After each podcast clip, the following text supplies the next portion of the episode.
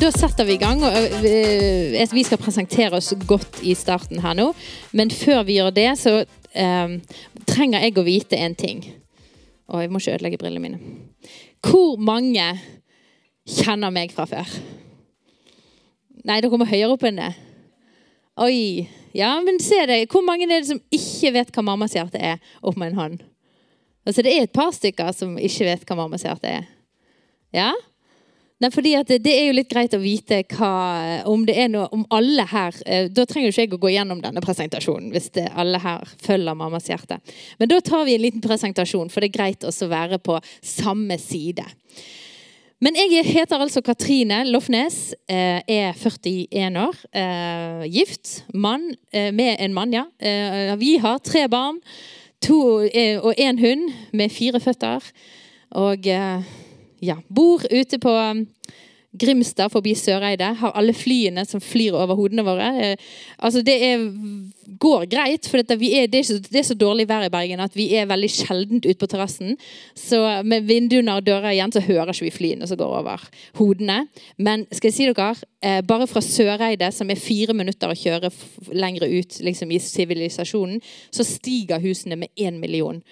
Så Derfor fikk vi oss hus ute på Grimstad, for det var én million lavere pga. flystøy og litt forskjellig.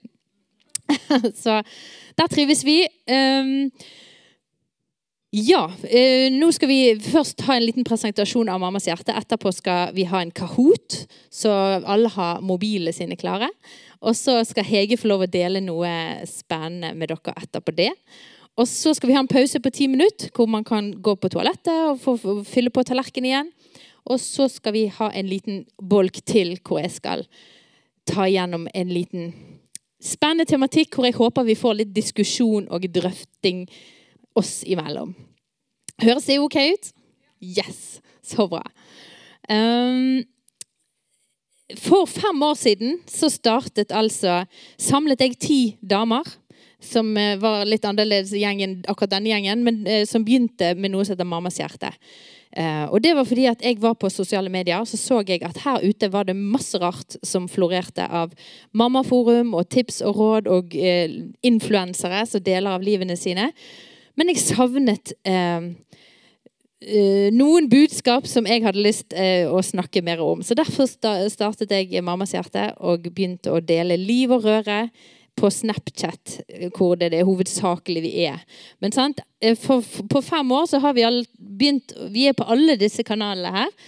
Eh, og jobber på for å lage godt innhold til de som lytter, og de som følger med.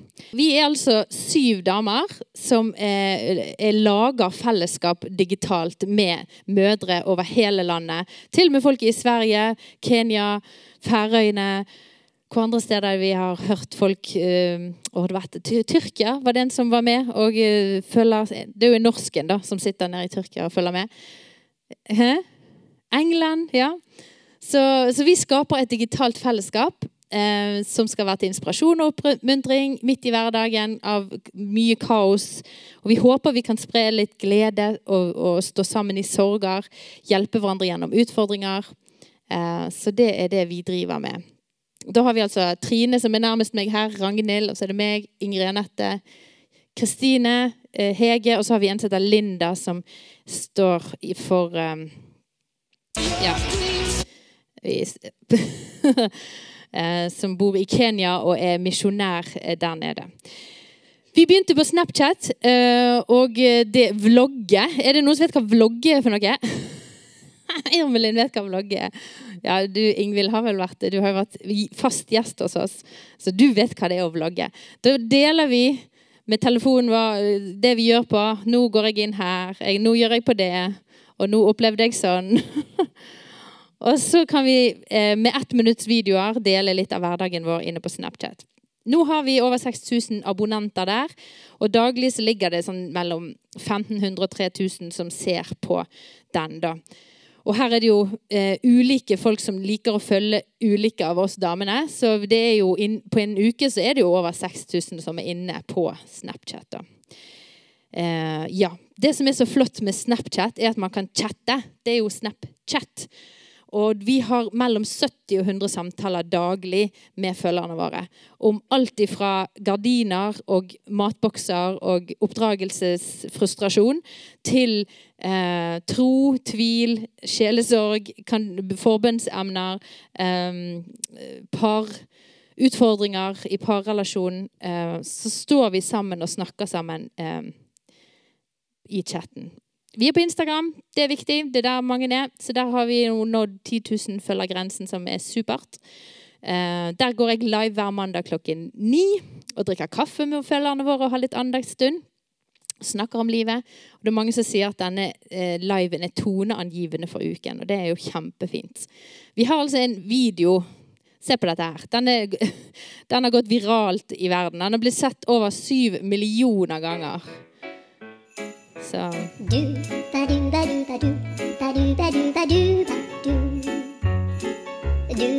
Det er kanskje litt gjenkjennelig. Så det er jo helt sprøtt. Og så har vi fått lov å lage podkast med Tro og Media på laget. Så, så gir vi ut ukentlige episoder episode på podkast hvor vi snakker. Der, Snapchat er ikke så lett. Og så, der er det bare sånn ettminuttsvideo, så må vi tekste alt vi sier. Det er utrolig tidkrevende. Vi bruker sånn mellom ti og tolv timer hver dag, i hvert fall jeg når jeg holder på. Jeg snakker så mye, så jeg må tekste veldig mye. så, så det går mange timer, og det er veldig frustrerende å dele noe med fornuft Eh, på Snapchat. Men derfor har vi podkast, hvor vi kan sitte i timevis og snakke om tematikk som vi brenner for. Og da er vi innom alt ifra Ja, hva har vi tatt opp? Er det noen her som husker en podkast vi har hatt? Ja Nei.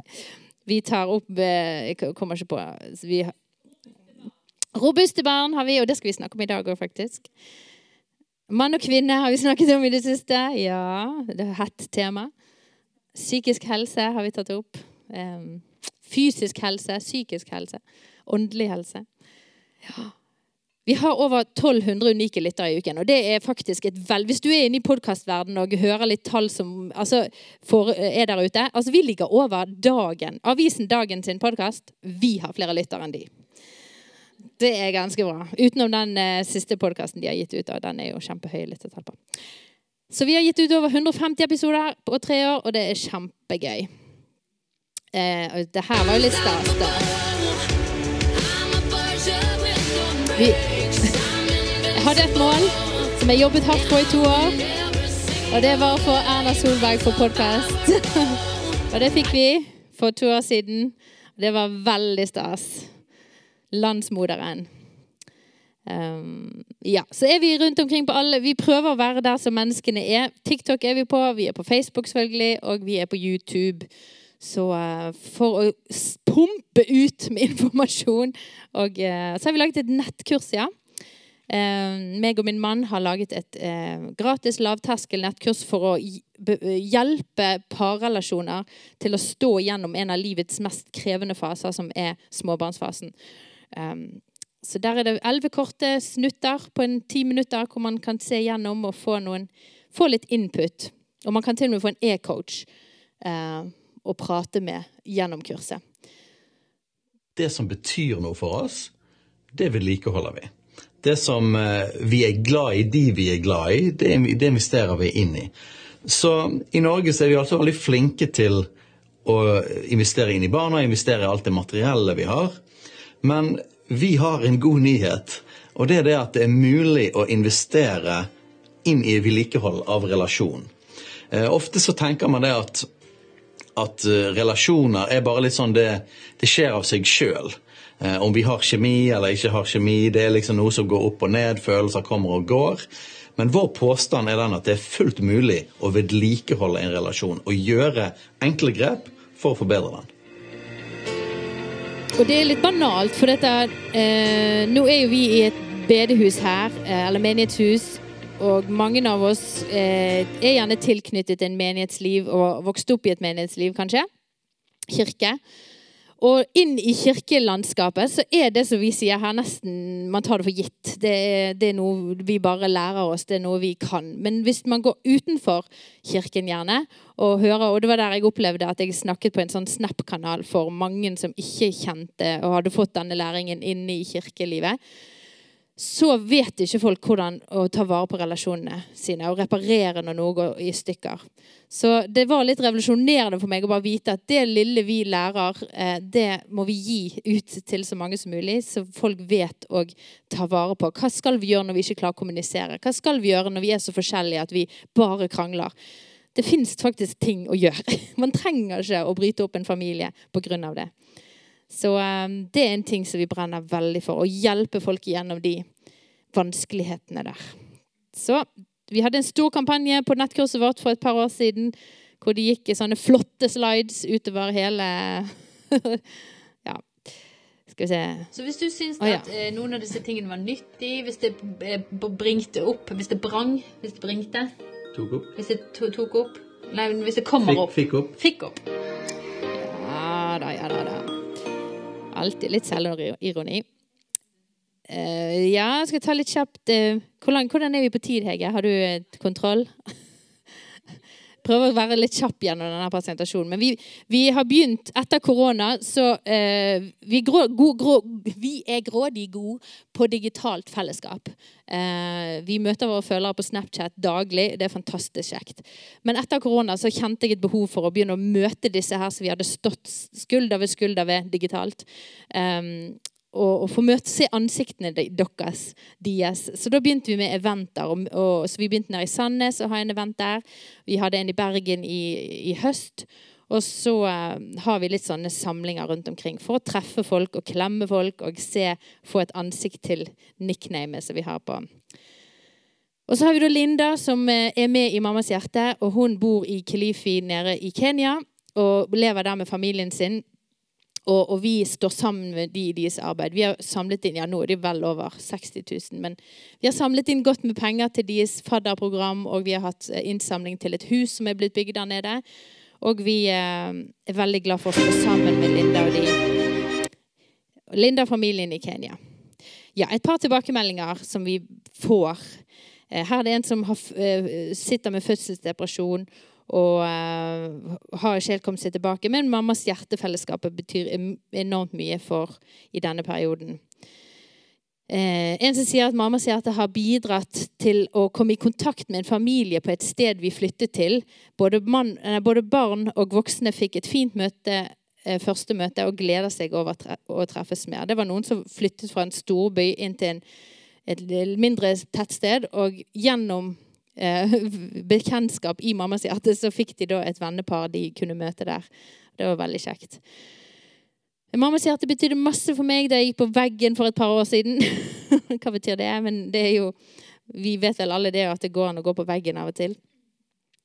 Og så her er det sånne tilbakemeldinger som jeg elsker å høre. At jeg får senkede skuldre og føler meg mindre alene med å følge deres hverdag. Og det er jo fantastisk. Og så er det en som jeg òg syns er kjempefin. Jeg får lyst til å bli bedre kjent med Jesus når dere deler så åpent ifra livene deres. Det òg er veldig fint. Og til slutt så må jeg bare nevne at Mammas hjerte er jo da en del av Tro og Media sitt arbeid.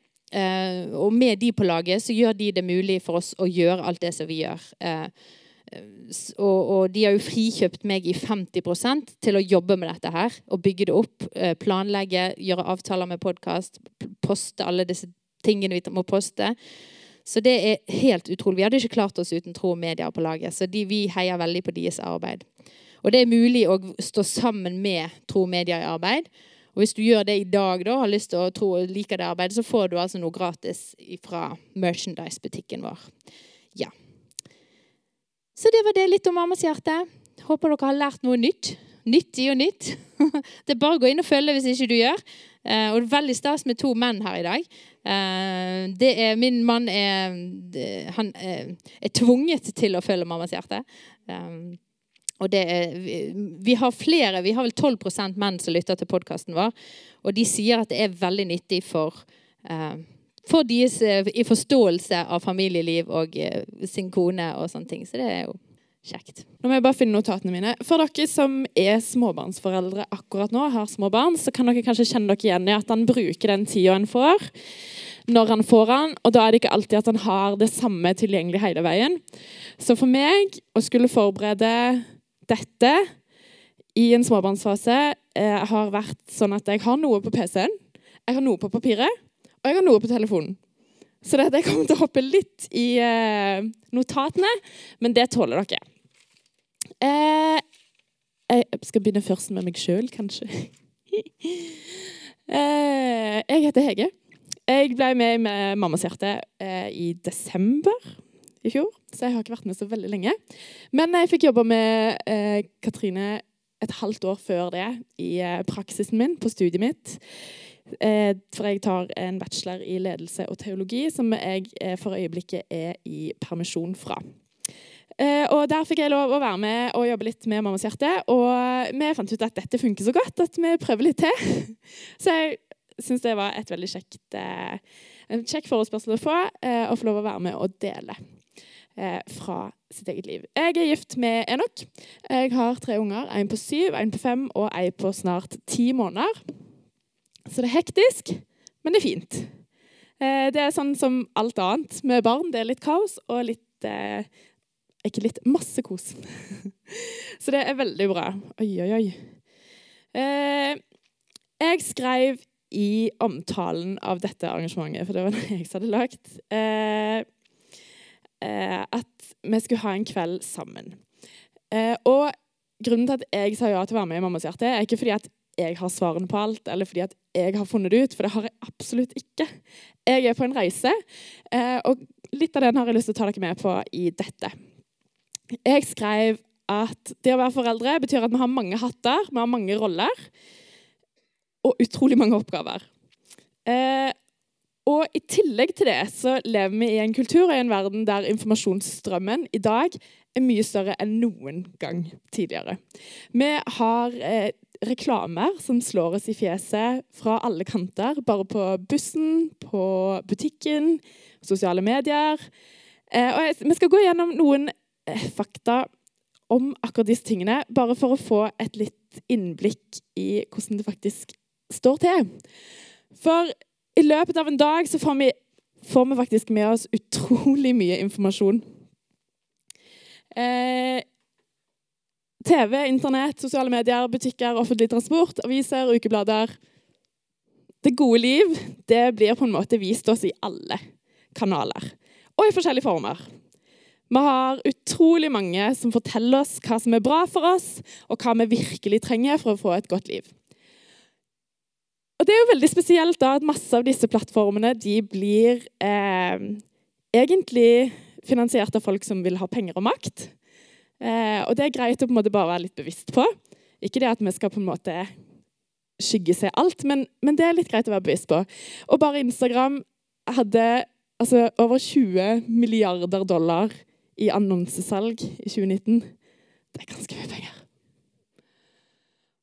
Og når da 3,7 millioner nordmenn er aktive på sosiale medier i 2022, var de tallene fra, og gjennomsnittstida vi bruker på sosiale medier daglig, er 3 timer og 38 minutter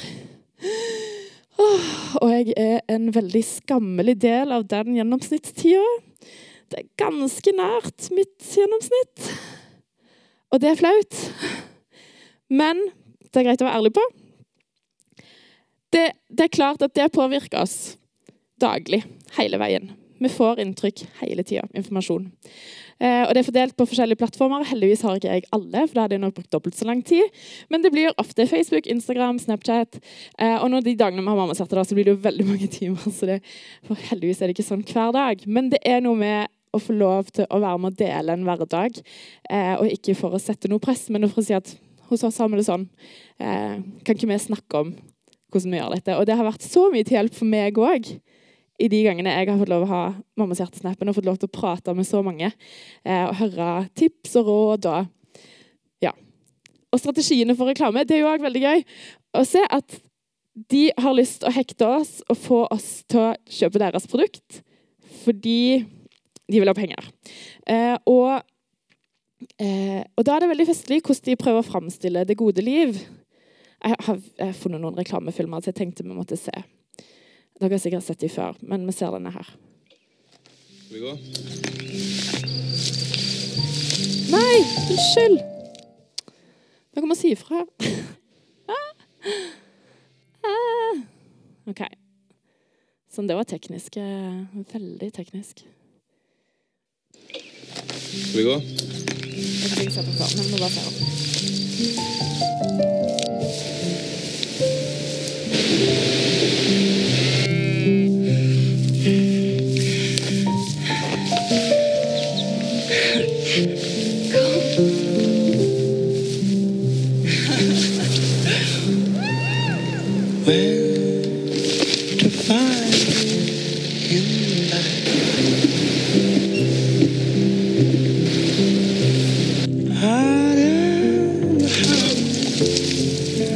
Er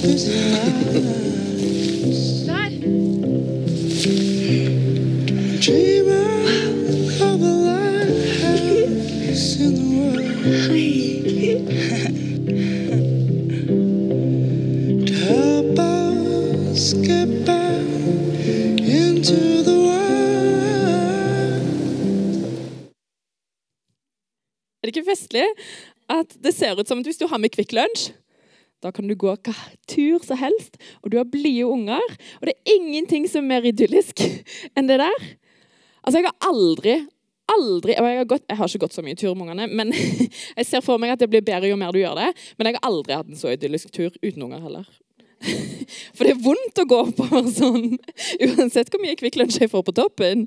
Men her prøver de så hardt. ikke sant? Den idylliske musikken, den fine naturen. De bare forteller deg at du har livet ditt det blir komplett hvis du får Kvikk Lunsj. Men det er jo ikke sant. Skal vi se en til? Den er jo veldig festlig. Jeg er bleik. Er som grus. Jeg lå på 100 røyk om dagen. Kjeften full av snus. Jeg er stiv. Knirker når jeg går. Har ikke vært ute av døra på haugevis av år. Men nå har alt blitt forandra. Jeg trives med meg sjæl. Alle damer de blunker til meg. Jeg jogger hver dag til jobben, og hjertet pumper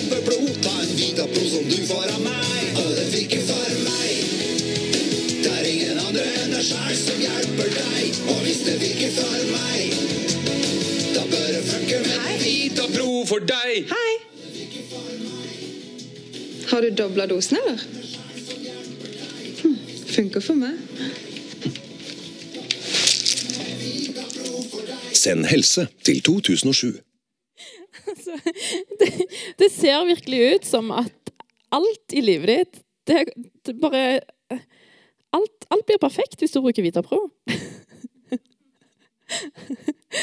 Og, men det er jo ikke sånn. Og det Det er kanskje litt greit å måte, være bevisst på. Eh, når eh, jeg eh, først ble mamma, så tror jeg at mange av disse tingene her de eh, påvirka meg helt ubevisst. Eh, det er annerledes å være foreldre i dag enn det det har vært før.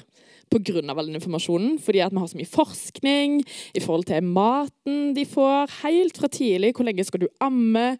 Eh, Når skal du begynne på jobb? ikke sant? Det er så mange styringer og retninger vi får fra både staten og kulturen og, og ja, bare Plassen vi bor på, kan være retningsgivende for hvordan vi velger å gjøre den oppgaven som vi har fått når vi får barn. Eh, og vi har tilgang på utrolig mye bra, men det er òg mye dårlig som kommer med at vi har så mye informasjon som kommer til oss hele veien. Og Derfor tror jeg det er så viktig at vi kan stå sammen, at vi kan hjelpe hverandre i å filtrere hva som faktisk er viktig eh, når vi skal oppdra barna våre, og når vi skal jobbe med relasjonene våre.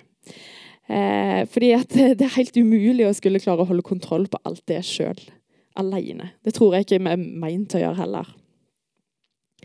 Og heldigvis så begynner vi å bli veldig godt kjent med at sosiale medier for eksempel, presenterer et ganske urealistisk bilde eh, av hva det vil si å være forelder. Eller et, eller et par generelt. Så hva gjør det med oss, da? de siste sju åra eh, som jeg har fått lov å være forelder, så har jeg gått mange, mange runder med meg sjøl og min foreldrerolle. Både i studiet og i troa mi så har jeg fått lov til å utfordre den rollen på så mange måter.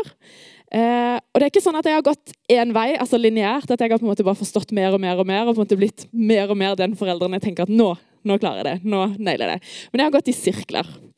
For jeg oppdager noe nytt, og så har jeg kommet til en ny ting, og så er jeg, å ja, det er sånn, kanskje jeg kan gjøre sånn. Så jeg har gått i sirkler på så mange ting, og så er det ikke sånn at når jeg først har funnet ut av den tingen, at jeg mestrer det med en gang. Men jeg faller på en måte litt i grøfta igjen, og så tenker åh, nei, ja, nå må jeg bare prøve på nytt. Og sånn tror jeg foreldrerollen alltid kommer til å være. Um, det er ting i livet vårt som vi måtte gå på sirkler, går i sirkler i alltid, tror jeg. Uh, men jeg hadde nok et glansbilde som var skapt av både TV og serier uh, og, og internett og sosiale medier. Både av det å gå gravid og det å på en måte ha en nyfødt. Når jeg fødte for første gang, så tenkte jeg at ok, nå kan jeg fortsette å gjøre alt det. Og mens jeg gikk gravid òg, hadde store forhåpninger om å kunne gå og trene mens jeg var gravid. Og for de som har fulgt litt med, så vet jeg at jeg har hatt hyperemsis i hvert svangerskap. Så det betyr at jeg har egentlig ligget så å si strekket ut hvert svangerskap og vært kvalm i nesten ni måneder. Og måtte gått eh, på kvalmestillende og vært innlagt for å få intravenøst fordi at jeg ikke får nok i meg. Og det har vært en helt annen opplevelse enn det jeg trodde det skulle være. Fordi jeg hadde et bilde av hvordan det skulle bli. Og da, når det ikke blir sånn, så krasjer det sånn i mitt hode at nedturen blir vanvittig, vanvittig stor. Så det er på en måte ingen overraskelse for meg at folk blir skuffa når de får barn, eller at vi kan havne i fødselsdepresjoner, fordi at mye av det inntrykket vi får, og det som realiteten er, det stemmer ikke overens. Og jeg skal ikke komme med en sånn enkel teori som bare fikser alt. Hvis du bare liksom endrer mindset, så, så gjør det at alt funker. Sånn er det ikke. Vi har reelle problemer, og det å være foreldre, det er tøft. Det er den tøffeste jobben jeg har hatt noen gang.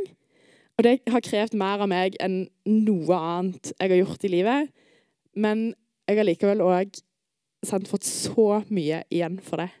Og det har tatt meg på en reise, da. Jeg husker når mamma fortalte om, eh, om sine egne fødsler, om det når hun skulle ha unger, så sa hun egentlig at hun skulle aldri ha unger. Det var sånn at Hun, hun skulle ikke ha unger, eh, for det hadde hun ikke lyst på. Eh, og hun hadde egentlig ikke tenkt på noe av dette her familiegreiene. Det var ikke vits. Eh, og så endte hun opp med å få fire unger på fem år og en måned. Så du kan jo si at det var, var litt motsatt av det hun hadde sagt. Men hun fortalte meg også det at når hun da fødte meg, som jeg er eldst av fire, så kjente hun på en kjærlighet som bare liksom sprengte hennes hode. Det var liksom overveldende når hun fikk meg på brystet for første gang. Og Det var jo kanskje det som gjorde at hun fikk tre til så fort. Eh, men jeg husker at når jeg fødte første gang og fikk han på brystet, så tenkte jeg hva er det jeg har gjort? Jeg kjente ikke på noe kjærlighet. Jeg kjente ikke på, altså jeg visste at denne ungen her altså kommer jeg til å gi alt for. Jeg kunne dødd for den med en gang. Men, men den der grensesprengende kjærligheten det kjente jeg ikke. Jeg kjente bare ansvaret. Jeg kjente uh, nå, nå sitter jeg i det. Og jeg tenkte liksom Tenk om jeg ødelegger dette barnet. Det var liksom bare en sånn overveldende ansvarsfølelse. Og jeg kjente virkelig ikke igjen historien til min egen mor. Eh, men jeg tenkte ja, ja, kjør på. Og det første året så brukte jeg veldig mye tid på å være redd og bekymra. Mye fordi at det mye stemte ikke opp med det jeg hadde blitt fortalt, og det jeg hadde sett på forhånd. Eh, men òg fordi at jeg bare skjønte ikke Hvordan går dette opp? Det var så mye som føltes feil, det var så mye som føltes tungt. Og jeg tenkte er det sånn det skal være? Skal det være så tungt å ha et barn? Hvordan i alle dager skal jeg kunne få flere? Eh, kan vi ha større familie? Hvordan har folk gjort dette her før meg? Altså, jeg skjønte det liksom ikke. Det var så tungt. Eh, og, så, og så gikk jeg mange, mange runder og søkte etter hvorfor i alle dager har jeg det sånn. Hva kan det komme av? Eh, og etter hvert som jeg fikk gått disse rundene i hodet mitt, så skjønte jeg at det er forventningene mine som ikke passer. Når jeg fikk justert forventningene mine til hva som faktisk skjedde i livet mitt, så var livet mitt mye, mye enklere å leve. Er ikke det rart? At vi kan liksom rote oss så bort i hva noen andre tenker. om livet vårt og om ungene våre. At det gjør at jeg var, altså Det første året så var jeg så stressa og så sur. og så, sant? At jeg så det i ettertid at å, hadde jeg bare sluppet ned skuldrene og tenkt at «Å, dette er mitt liv. Her kan jeg velge å styre både foreldrerollen min øh, foreldrerollen min, Det var mange r-er der. Eh, og på en måte relasjonen til min mann eh, og til alle andre rundt meg på min måte. Trenger ikke få til alt samtidig. Jeg husker jeg var på et uh, cheerleading-arrangement. Uh, Lillesøstera mi skulle uh, delta i Summer Open, som da var på Østlandet. Og jeg tenkte at vi kjører på. Minste, altså Førstemann han, uh, han var seks måneder på det tidspunktet. Og jeg tenkte jeg tar han med. Vi kjører fra liksom Sauda til Oslo. Og så tar jeg med meg sånn headset, for det er jo veldig høy lyd i salen når du er med på cheerleading. Det er masse lyd, masse ja, liv og røre. Og jeg tenkte at dette går fint. Jeg har jo med meg mat. Det går liksom bra. Åh, altså, å kjøre med så små barn Åh, Det er noe herk. Jeg var ikke klar for det. Og det å komme bort der og se at nei, han vil jo ikke ha på seg det headsetet. Hvorfor i alle dager skulle han det? Og bli med meg inn og se på cheerleading. Han ville jo ikke det. Det var for høyt. Det var for mye folk. Og jeg, og jeg husker jeg var så skuffa. Det var så langt ned i sjela skuffa. Jeg, jeg, jeg sto utenfor og sånn halvgrein og tenkte jeg kan ikke la folk se meg. Jeg får ikke gjort noen ting. Hvordan er dette livet? Skal det være sånn? Men det skal jo ikke det. Og jeg vet jo ikke hva dere står i, eller hva relasjon dere har til deres egen rolle som foreldre. Men jeg vet at mine Se der, vet du. Jeg kommer videre med en gang. Eh, mine verdier, som jeg egentlig hadde sånn på innsida, og forventningene mine var egentlig ganske forskjellige eh, i forhold til hvordan jeg tenkte at dette skulle sette sammen. Så vi har noen ark. Har du lyst til å dele ut, Katrine? Eh, og dette for egen refleksjon. Eh, dette har jeg gjort eh, sjøl eh, før eh, jeg Ja, for mange år siden. Eh, men jeg må alltid på en måte ta det opp igjen. Eh, men det er bare en liste, det er mange flere enn de som står her, med verdier. Og jeg måtte finne ut hva var viktig for meg i denne rollen her som forelder. Hva er det jeg har lyst til å få ut av denne tida? Fordi at jeg kan faktisk velge sjøl. Og, og det ga meg en ro, men det tok meg mange år. Det var ikke sånn at når jeg først skjønte det, så tenkte jeg ok, nå vet jeg akkurat hva jeg vil gjøre.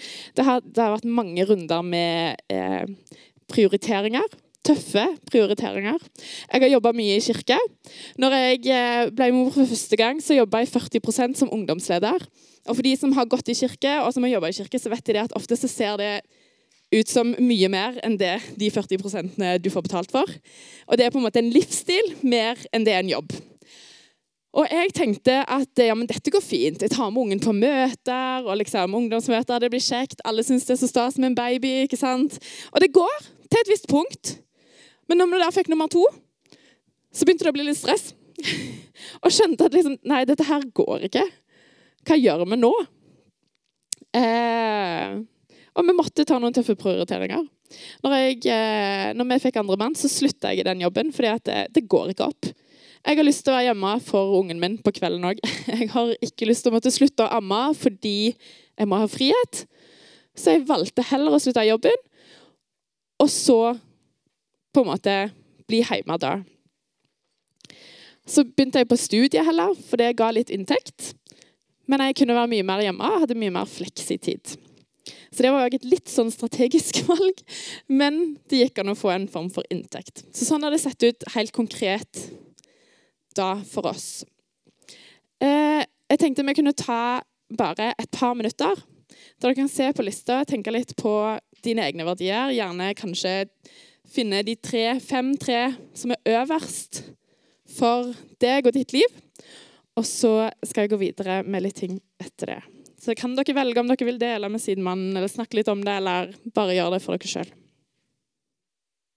Og så må dere bare legge til verdier hvis dere syns at det er manglende, det som står der. Det er veldig kjekt å høre at praten går litt. Jeg håper dere fikk tenkt lite grann. Eh, det jeg syns er eh, litt viktig med verdiene er at vi styrer livet vårt ut ifra det. Eh, og da er det jo kanskje litt greit å prøve å være bevisst på altså, hvordan ser din optimale hverdag ut. Akkurat nå så står jeg i en fase der jeg, eh, jeg har en skolegutt, en i barnehagen og en hjemme. Eh, og det jeg syns egentlig er litt drit nå, det er at han på skolen han må være der til halv ni, og så må jeg hente han igjen klokka to. Og Det betyr at alt jeg gjør den dagen, det, han, altså, det, det går ut ifra at han må være på skolen halv ni, og jeg må hente han klokka to. Og det syns jeg er fryktelig slitsomt.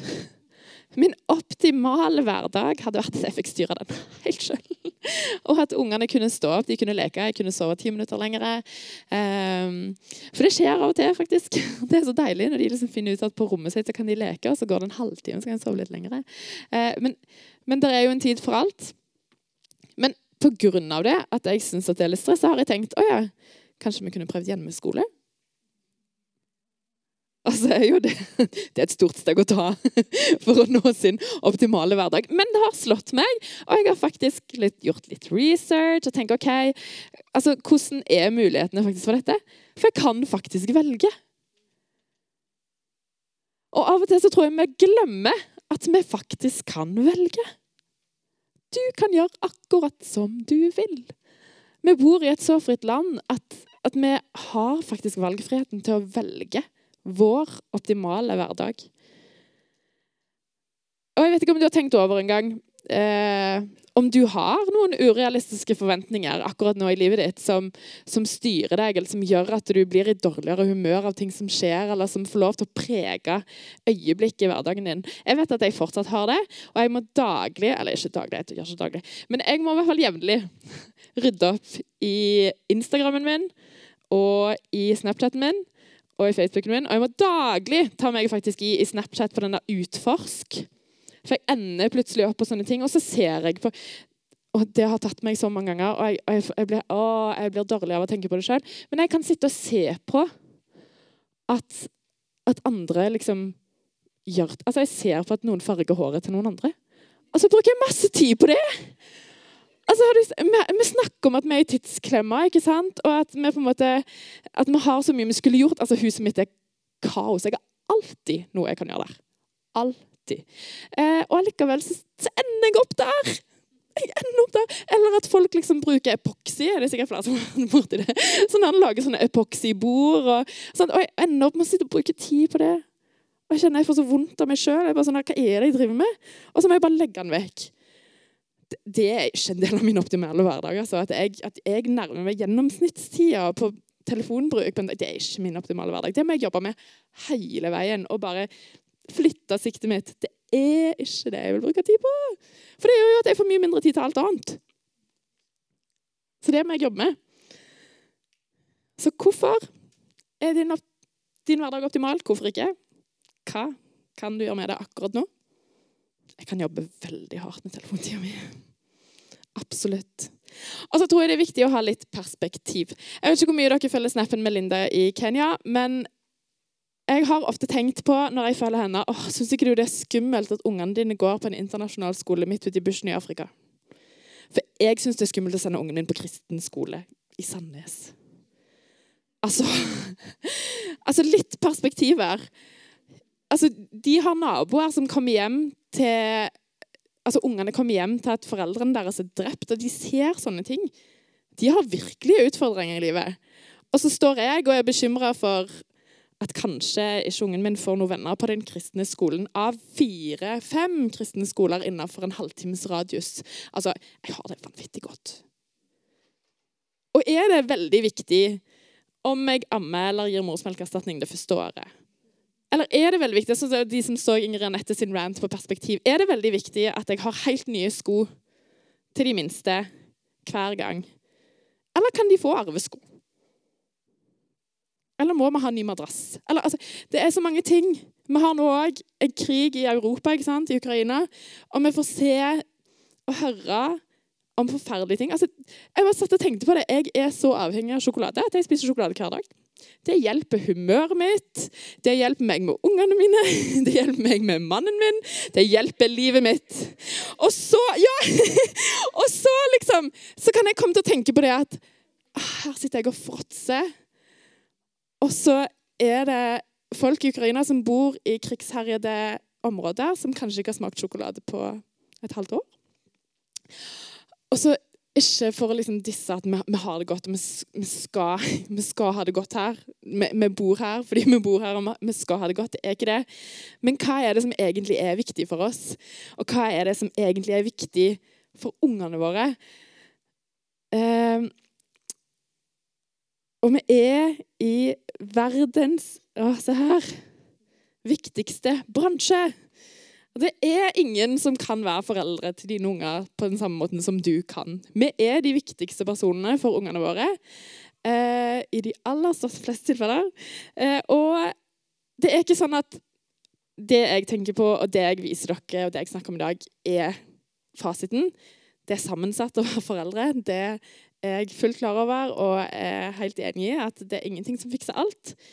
Men vi må være bevisste, og det er viktig å sette litt perspektiv. Relasjonene våre er så viktige. Jeg vet ikke om dere har hørt om Thomas Sjødin, men jeg fikk lov til å være med og synge konsert med han. Han, liksom, han styrte Han er Sveriges svar på Egil Svartdal. Det er liksom det nærmeste jeg kommer da.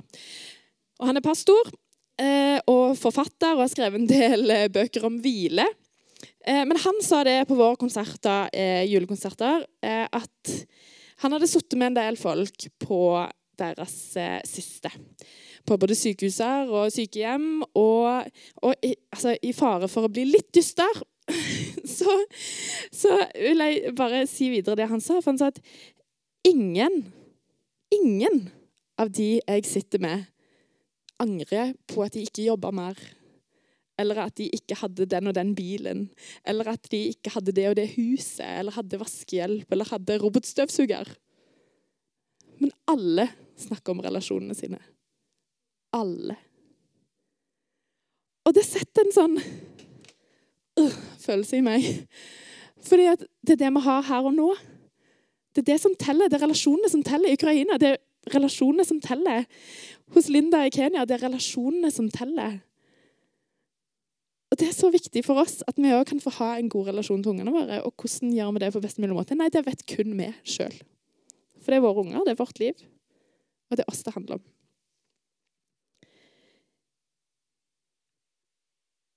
Helt konkret for oss så ser det sånn ut.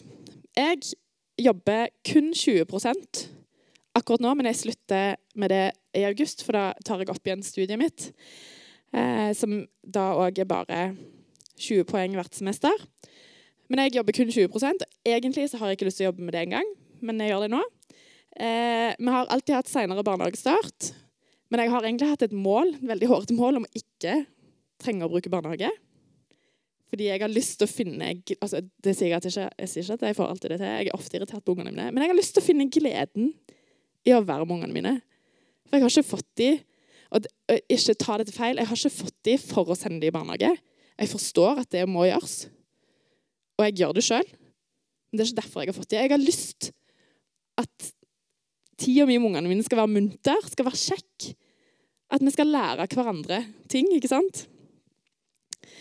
Eh, vi klarer oss akkurat nå på den ene inntekta til min mann, pluss mine 20% og det jeg får inn på studiet. eh, vi har valgt eh, kristen skole, for det syns vi er viktig. Det har mye av verdiene vi legger for oss sjøl og for ungene våre. Eh, og det er liksom det vi har valgt for nå, i hvert fall. Men igjen, med ingen fasit. Dette er bare eksempel, dette er bare konkrete ting som det ser ut som for oss. Og i hele denne runden min så så måtte jeg gå veldig mye til Gud òg. Fordi jeg har jobba og vært i kirke hele livet. Jeg har vært kristen hele livet. Eh, og, og det å på en måte skulle stå uten å i det hele tatt å gå i tjeneste For det å jobbe i kirke det er som sagt en livsstil. Og jeg tenkte Gud, hvordan i alle dager? Altså, Vi er jo òg meint til å på en måte tjene. Og jeg tenker at Ofte kan folk tenke at det er, det er jo mye krav fra Gud òg, at en skal leve på en viss måte. Men det som var så fint, var at jeg For livet mitt er jo basert på det. sant? Hele livet mitt er faktisk basert på den tro jeg har på Gud. Eh, men det jeg oppdagte, og Gud lot meg få se gjennom andre folk, og gjennom studiet og gjennom eh, Bibel og bønn, så, forklar, eller så viste han meg det at vet du hva, jeg har 100% tiltro i deg som mor. Jeg har gitt deg dette barnet, eh, og jeg gir deg 150 støtte i at vet du hva? Hvis du trenger å sette alt annet på vent og bare jobbe med å være den beste mammaen du kan være, så har jeg så velbehag i det. Og når Gud på en måte bare sånn bekrefter at jeg skjønner at dette er vanskelig, jeg skjønner at det er hardt, jeg skjønner at du må bruke masse tid på å finne ut av dette, så er det faktisk helt greit. Så for oss har det blitt en sånn ting at vet du hva? vi skal prøve så hardt vi kan for beste, det beste ekteskapet vi kan. Fordi at jeg tror at Gud har behag i, og at han ønsker det for oss. Og han har lagt liksom masse føringer i Bibelen for hvordan vi kan få lov til å være de beste for hverandre og for våre barn. Og Det òg var litt revolusjonerende i tankegangen min, for da, da slapp det så mange krav. Til og med de kravene vi møter i kirka, for det, det gjør vi. Der er forventninger og krav overalt. Og så kan en tenke at kirke er jo Nei, men det, det er jo ikke Men det er det. Spesielt for folk som har tjeneste og, og, og jobber i kirke, så er det sånn. Så det ble en sånn revolusjonerende tanke. Og Bibelen sier det veldig, veldig fint. Det er en tid for alt. Og det er det. Så det er en tid for å være småbarnsforeldre. Og det vil se veldig annerledes ut enn hvordan det var rett før du fikk småbarn. Det er realiteten. Det er tøft, det er tungt, det krever masse. Men det er òg en vanvittig stor velsignelse. Og det er bare en liten, liten del av et veldig stort liv. Og jeg tror vi er veldig heldige som får lov til å se de verdiene de ser, se gleden deres, se utforskingen. Jeg tror vi mister mye av oss sjøl i akkurat den perioden, men jeg tror vi får en mye bedre versjon av oss sjøl tilbake når vi har vært igjennom den.